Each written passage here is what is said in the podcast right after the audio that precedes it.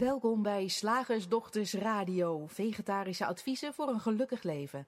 Linda Spaanbroek en Angela Mastwijk geven je een kijkje achter de toonbank van de menselijke ervaring. Hoe werkt het daar nu echt? Wij maken gehakt van ingewikkelde concepten en fileren met liefde ook jouw leven. Dat alles onder het motto geluk. Mag het een onsje meer zijn? Welkom luisteraars, ik ben Linda En ik ben Angela. en wij zijn vandaag bij je met een eh, in mijn ogen ontzettend leuk onderwerp. Nou, vertel. Weet je hoe ik daarbij kwam? Nee. Nou, ik was dus op een Noorse camping Oké. en toen hoorde ik in eh, een plekje vlak bij mij in de buurt hoorde ik een gesprek tussen een Duits echtpaar. En eh, ze stonden, en u moet even een beetje het beeld erbij hè. Ja. Eh, ze stonden samen naar de luifel van hun caravan te kijken. En, en hij een beetje schaapachtig. En, en bij haar, ja, voor mij zag het eruit alsof zij min of meer briesend daar bij die luifel stond. Terwijl ze zinnetjes bleef blaffen die neerkwamen op... eh, ja, geef het nou eindelijk eens toe. Geef het gewoon toe. In Duits natuurlijk, hè. Ja. En, eh, ja, en ik, ik vond dat zo grappig. En het, het leek mij een hele mooie aanleiding om eens te mijmeren over toegeven. Want dat deed ik Ja. eigenlijk daar op die camping al. Ja. Want toen ik daar langs liep, dacht ik... Waarom is die mevrouw nou zo boos? Mhm. En waarom vindt die meneer het nou blijkbaar zo moeilijk om, om toe te geven? Wa- Waarom, Ja. waarom wil zij dat hij toegeeft, dat, dat haar? En waarom vindt hij het moeilijk om dat te doen? En ik, ik vroeg, dus ik mijmerde een beetje, dacht, ja, wat denken we dan te krijgen of te verliezen Ja. als er toegeven in het spel is? En, eh en door mijmeren dacht ik, van, ja, hoe komt het eigenlijk dat uit zoiets, dat wel of niet toegeven, heel vaak een soort verbale of emotionele loopgravenoorlog ontstaat? Emotionele loopgravenoorlog. en de verbale uiting daarvan. Goh, wat lekker. Hij geeft het niet toe. Hè. Ik weet zeker dat het gebeurd is, maar hij geeft het niet. Geef het nou maar toe. Oh, ik denk dat, dat heel veel mensen die een relatie hebben, eh, dit een heel leuk onderwerp eh, vinden. Ja, en ook, ook met kinderen. Met, ja, dat dacht ik ook wel aan terwijl je aan het praten was. Met kinderen ook. Van wie heeft, eh, wie heeft de kaas opgegeten? Ja. En het kind gewoon glashard ontkennen. Terwijl de kruimels nog eh, in, de, in, de, in de kinderkiesjes zitten. Ja. Ja, Ja, jij zei het al. Hè? Wat heb je dan? Ik, dat, dat, vind ik, dat vind ik sowieso een hele mooie vraag. Bij heel veel dingen die we willen van een ander. Of, of menen dat er in het algemeen moet gebeuren. Of die we tot, eh, tot de norm hebben verheven.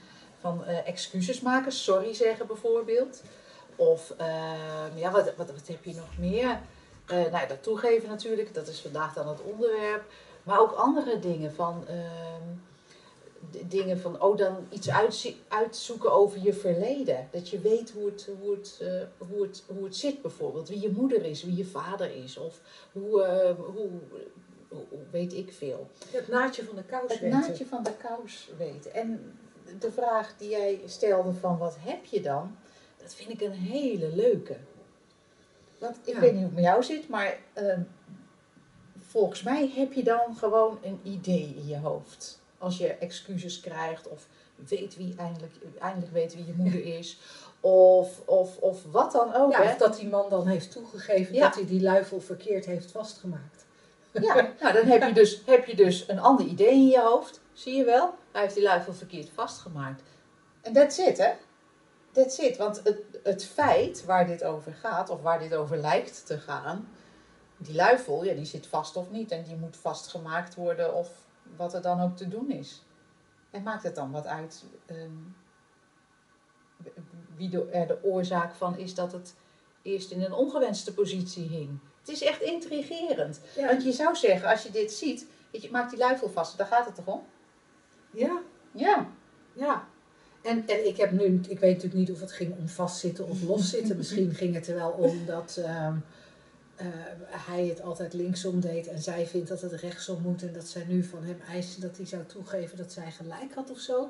Ik heb echt geen idee ja. waar het over ging. Maar dat onderwerp toegeven vond ik intrigerend, omdat, omdat je het op zoveel plekken ziet. Ja. Weet je wel, je ziet het in politiek ook. Dan Ja. is er, dan Oh, is er iets gebeurd. Oh jee. En soms heel lang geleden. En dan is het belangrijk dat er nu toegegeven wordt door de Nederlandse regering of de regering van welk land dan ook, dat dit voorval inderdaad heeft plaatsgevonden. En soms is het zelfs zo dat een, een minister dan nu zijn post moet inleveren. Ja. Omdat er 15 jaar geleden iets gebeurd is op datzelfde ministerie. Ik begrijp dat verband nooit. En dan wordt er gezegd, ja, maar ja, iemand moet de verantwoordelijkheid nemen en iemand moet ervoor boeten. Ja, alsof je daarmee het feit verandert. Dat vind ik zo intrigerend. Wij spreken in die drie principes wel eens over after the fact. En dan bedoelen wij eigenlijk alles wat al gecreëerd is. Die drie principes zijn altijd uh, uh, in werking. Net zoals zwaartekracht altijd in werking is. En zoals er bij zwaartekracht van alles naar beneden valt. Zorgen die drie principes ervoor dat er continu een ervaring is. Een, een, of dat nu een gevoel is, of een gedachte, of een situatie, of een gebeurtenis. Er is wat.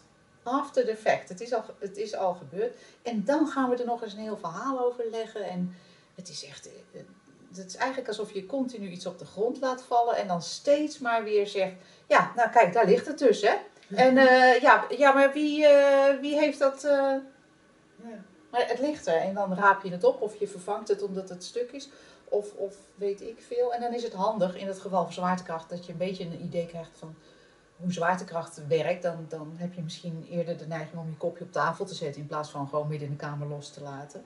En dat is met die drie principes natuurlijk ook zo. Als je weet hoe alles tot stand komt, dan kan je daar een soort, ja, zonder daar krampachtig in te worden, hè, want dat is wel even een dingetje.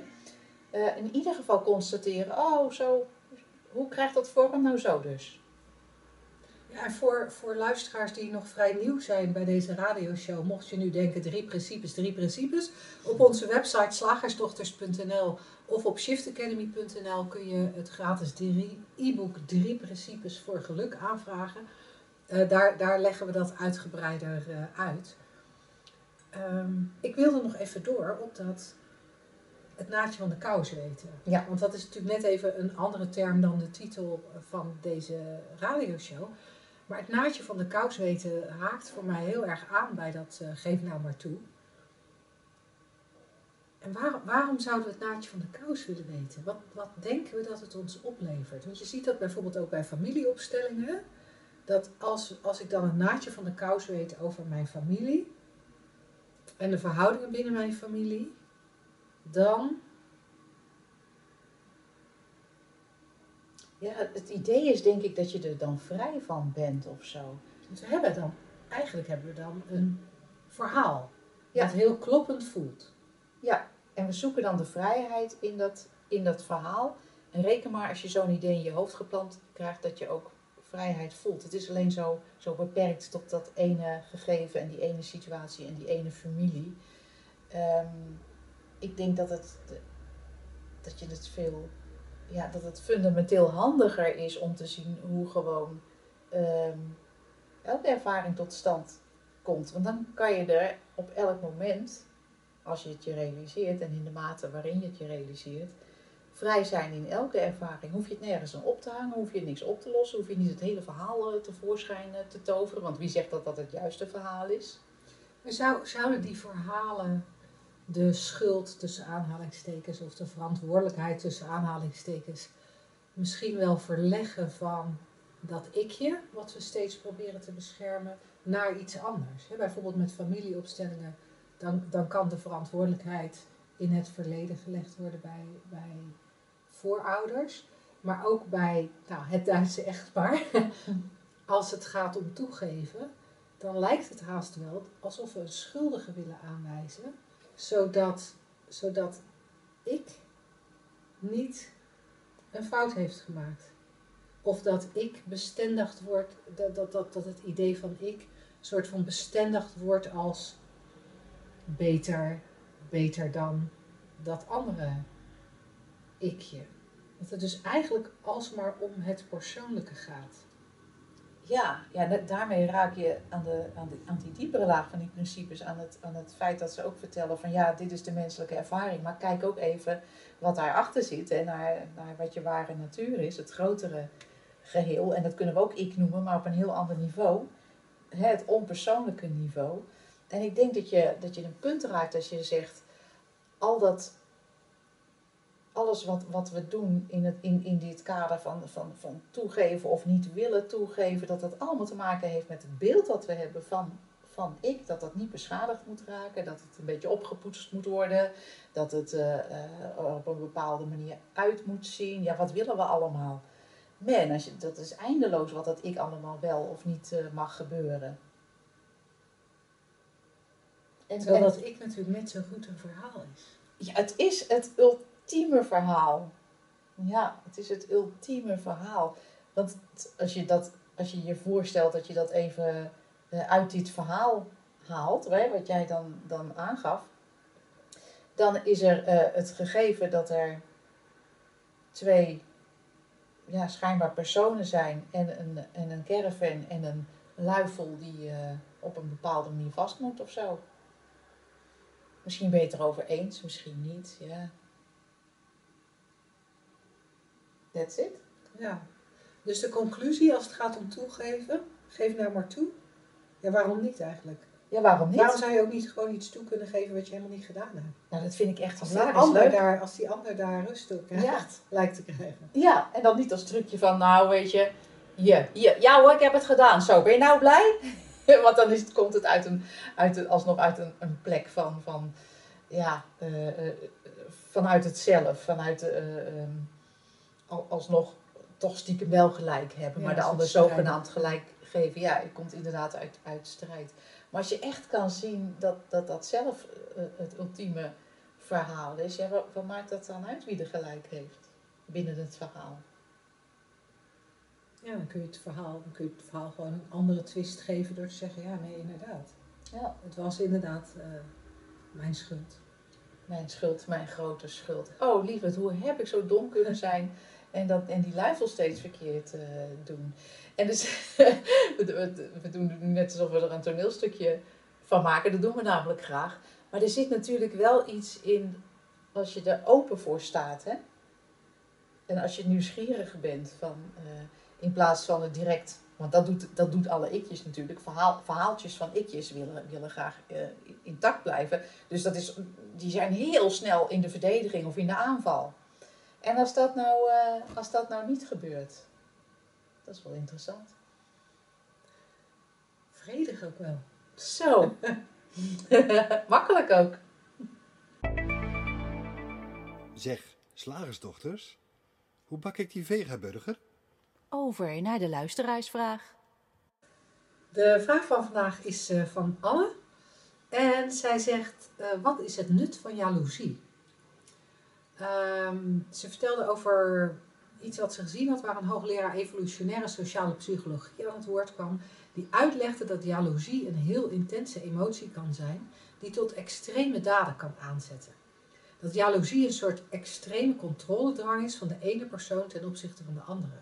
Een emotie die door mannen en vrouwen verschillend zou worden beleefd, waarbij het bij mannen meer om status gaat en bij vrouwen om hoe het gevoel is.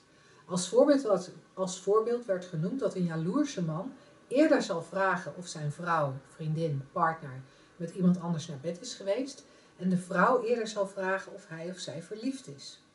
Dat zou evolutionair terug te voeren zijn op man-vrouw verschillen. Als ik het tenminste goed begrepen heb, zegt ze, aan, eh, zegt ze erachteraan. Ehm, en, en, daardoor, ja, en, en daardoor vroeg ze van, oké, dus ja, afgunst, jaloezie. Ehm, hoe zit het daar dan mee? Ik vind het een ingewikkeld verhaal.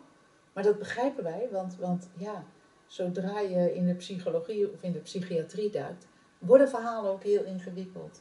Want er worden alle gevoelens gecategoriseerd en benoemd en ergens aan opgehangen en Verklaard ook. verklaard. Evolutionair in dit geval. Man, wat een gedoe. En ik denk, als het, als het, zullen we het gewoon eens even, even terugbrengen. Ik, ik kan me voorstellen dat wat wij jaloezie noemen, dat dat... eh, een Angst is. ja, ja, ik wou zeggen wringen en schuren. Jij noemt het angst, dat, dat, dat is ook goed. En dan maakt het niet uit van wat de specifieke invulling daarvan is. Hè? Angst voor verlies of angst om, om eh, eh, weet ik veel, voor schut te staan. Of angst om te komen. tekort te komen. Ja, angst voor, voor, voor een onzekere toekomst of whatever.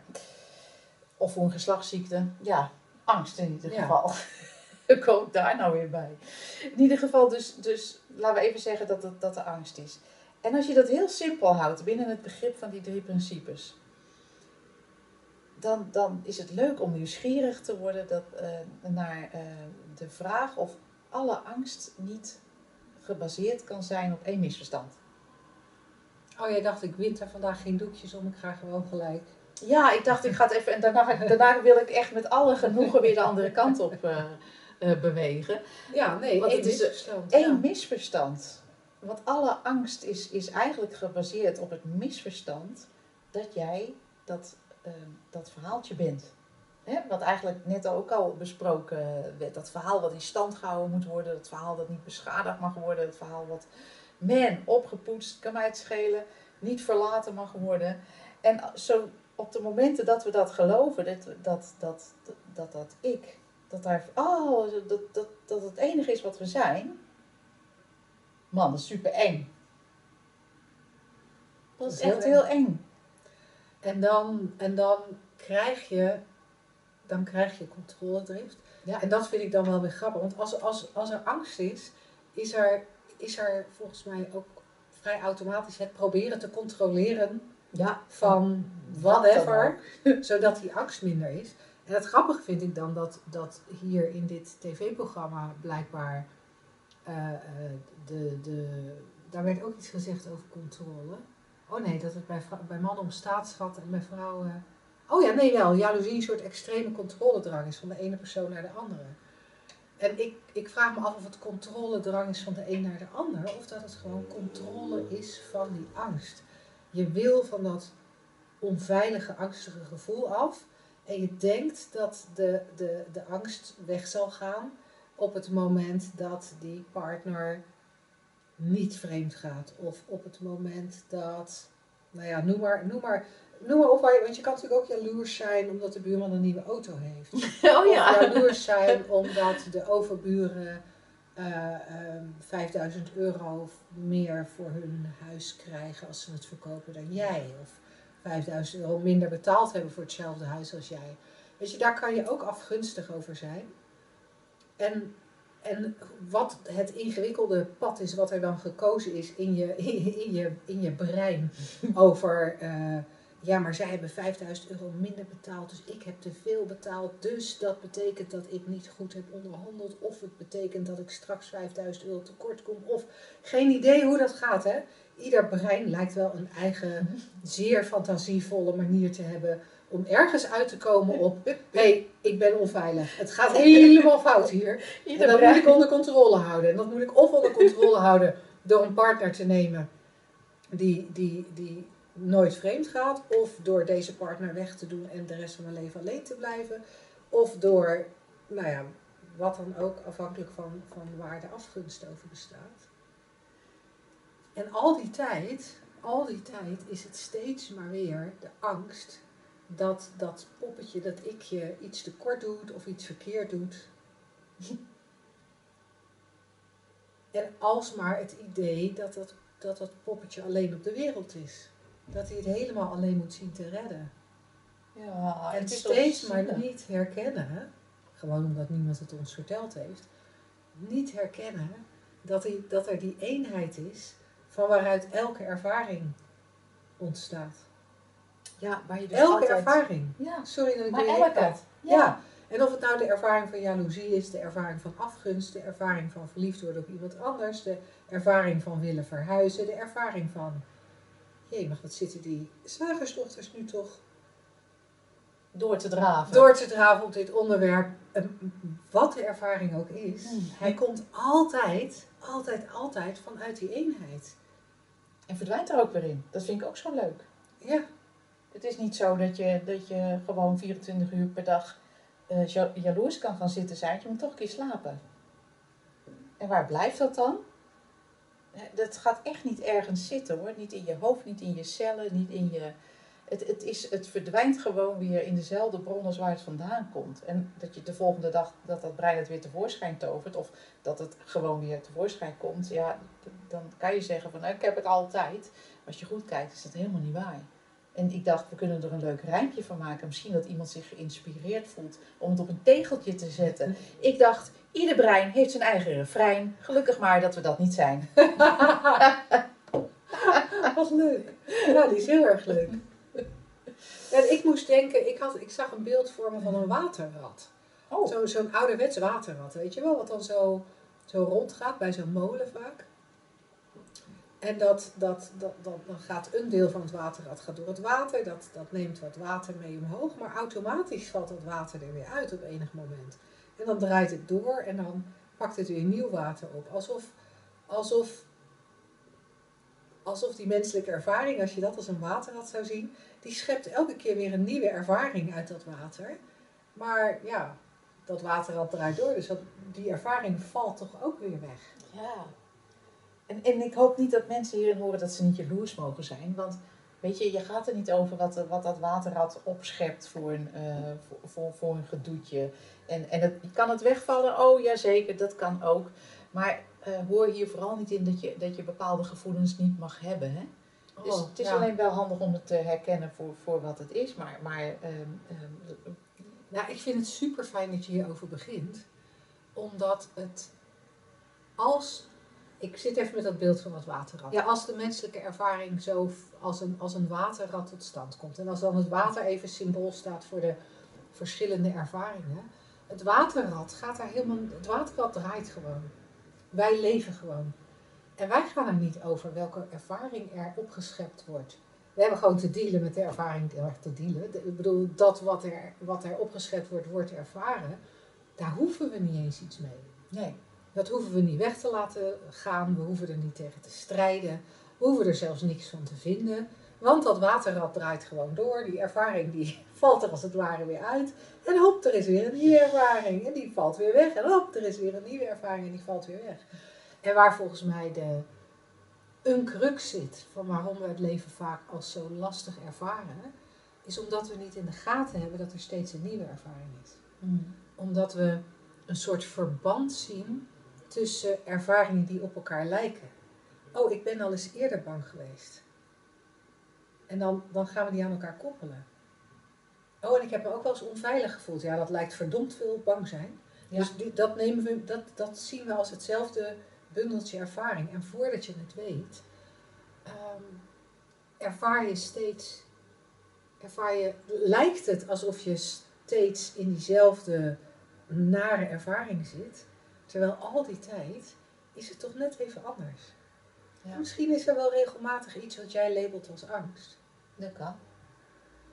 Maar het is toch elke keer weer ander water. Want dat water dat stroomt gewoon. Dat is natuurlijk ook de Ja. essentie van een waterrad. Dat draait alleen maar bij de gratie van stromend water. Dat draait niet in een stilstaand poeltje. Nee. Dus wat er voorbij komt aan water, of hè, wat er voorbij komt aan ervaringen, dat is steeds anders. En wat ik ook zo grappig vind, wat, wat eh, het waterrad Angela oppakt uit die doorlopende stroom, lijkt anders te zijn dan wat het waterrad Linda eruit oppakt. ja. Dus het lijkt alsof wij andere ervaringen hebben, Ja. maar het komt alsmaar uit diezelfde rivier. Die, die uit dezelfde bron komt, hè? Want zo'n rivier ontspruit altijd ergens. ja. Ja, het is... Het is... Nou, je had een mooi tegeltje, maar ik vind dat ik een heel mooie metafoor. Ja, meid. We vullen elkaar weer prachtig aan.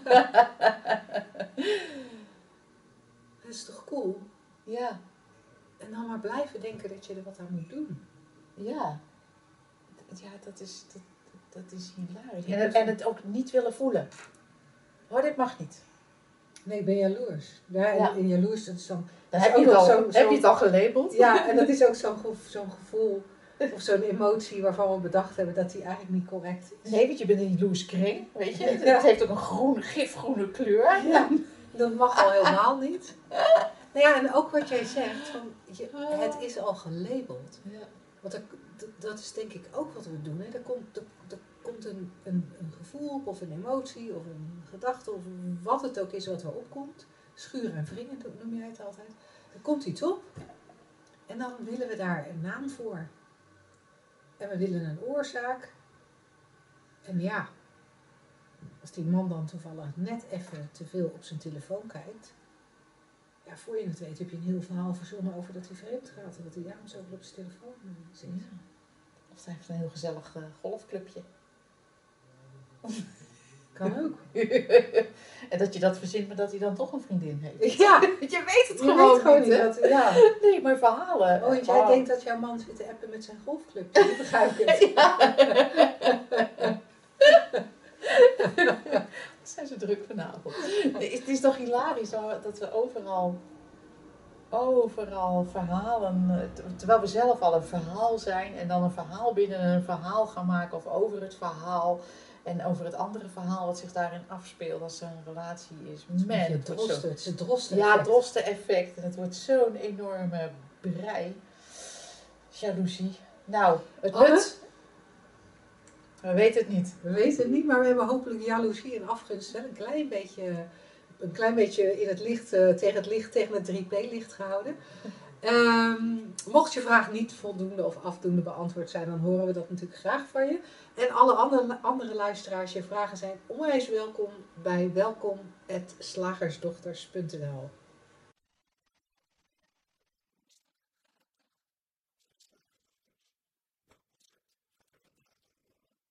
Trouwens, voor luisteraars die eh, meer willen, Ja. wij hebben nog plekjes voor de shiftdag Rust en Ruimte. De laatste zondag van september. En we hebben in ieder geval op het moment dat we dit inspreken, eh, maar ik vermoed ook wel op het moment dat deze radio-uitzending live gaat, eh, ook nog plekken bij de driedaagse dieper inzicht. Ja. Dus, Gezellig. dat wilde ik even vertellen. Eh, op shiftacademy.nl onder trainingen kan je zowel de shiftdag als de driedaagse terugvinden. Dan het concept, ook van Anne. Anne was eh, on a roll. En ehm, zij had iets gehoord over eh, ruim energie op die niet van jou is. Dat vond ze een heel mooi concept. En zij had het gehoord in het kader van je aura reinigen. Oh ja, ik, eh, onze eh, theatershow hebben we daar ook iets over gezegd. Ja, wij, hadden toen het Ja. idee dat, dat we, in de theatershow vertelden we van ja, weet je, dat werk wat we hiervoor deden, dat liep toch allemaal een beetje terug. Dus we wilden een ander bedrijf. Ja, want niemand eet meer vlees. Niemand eet meer vlees, dus wat moet je als slagersdochters met een slagerij? Dus wij dachten, we moeten wat anders.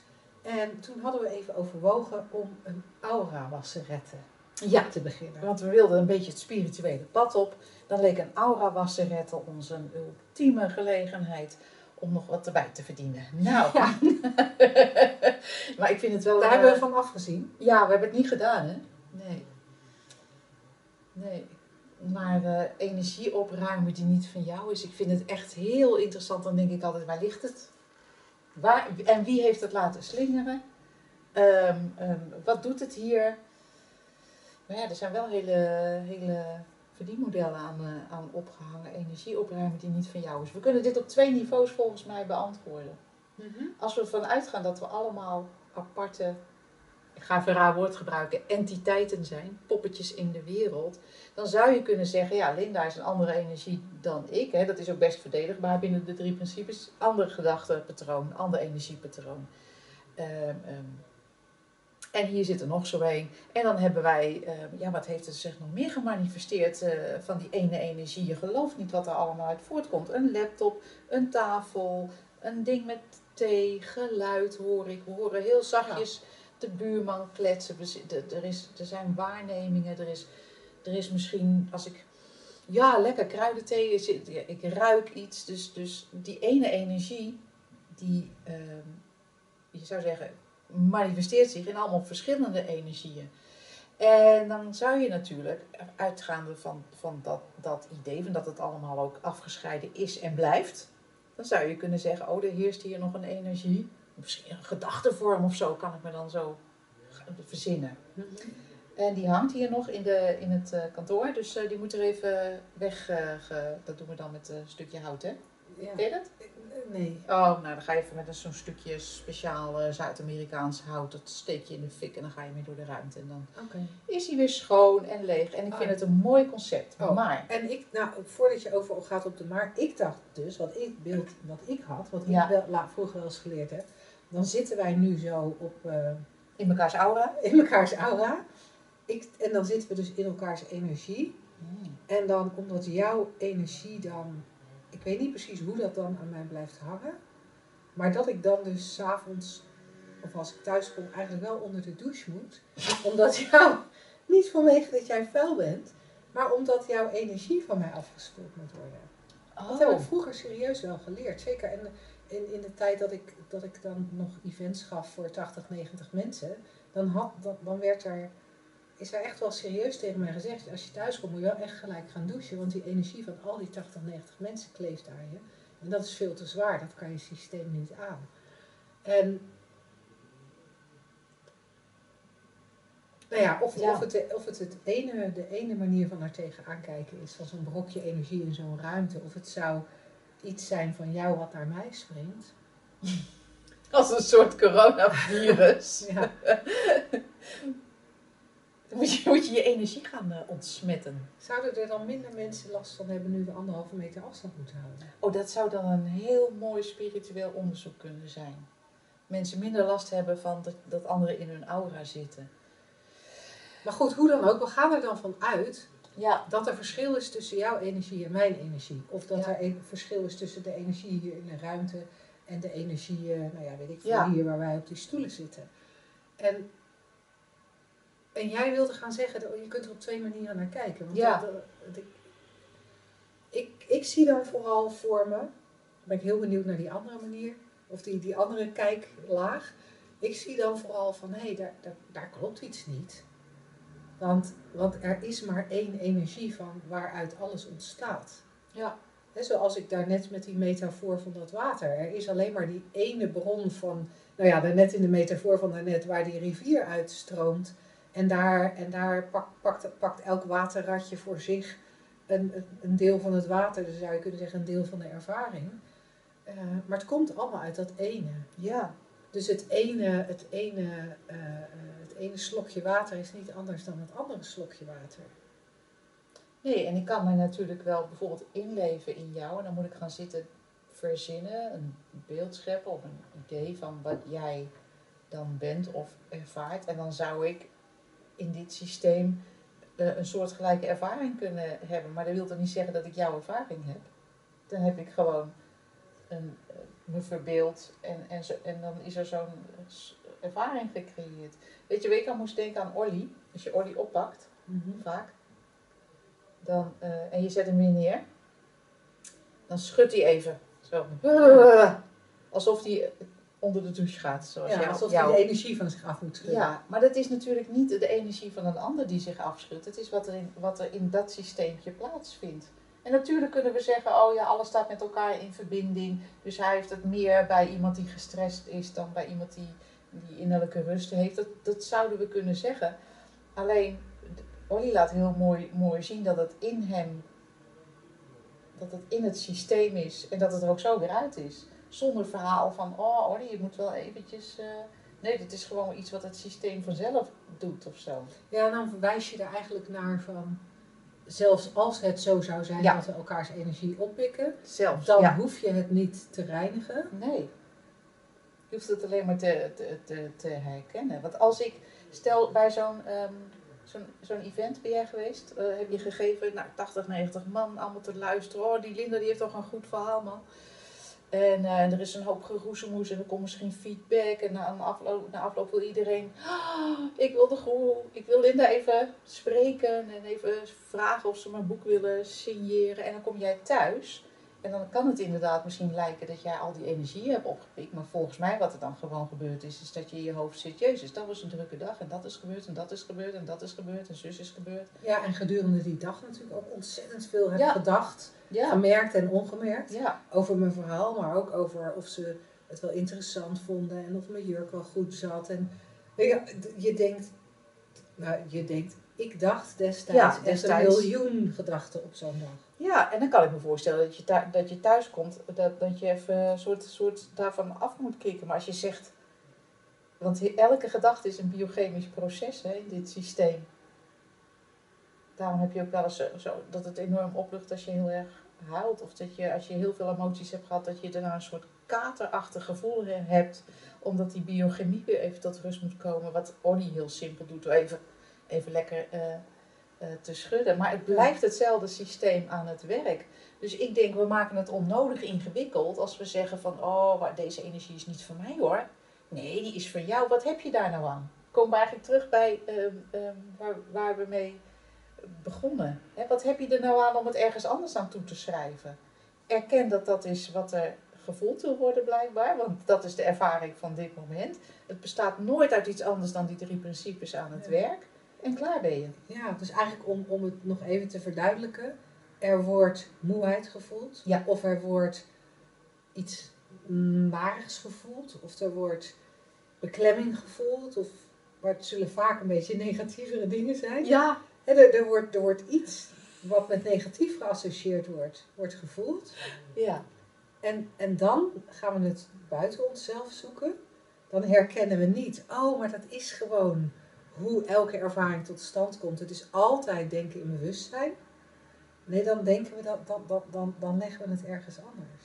Ik vind het zo grappig, want je zou ook eh, kunnen zeggen: nou, geef het nou maar toe dat jij, dat jij mijn aura zit te verontreinigen. Ja, wat heb je?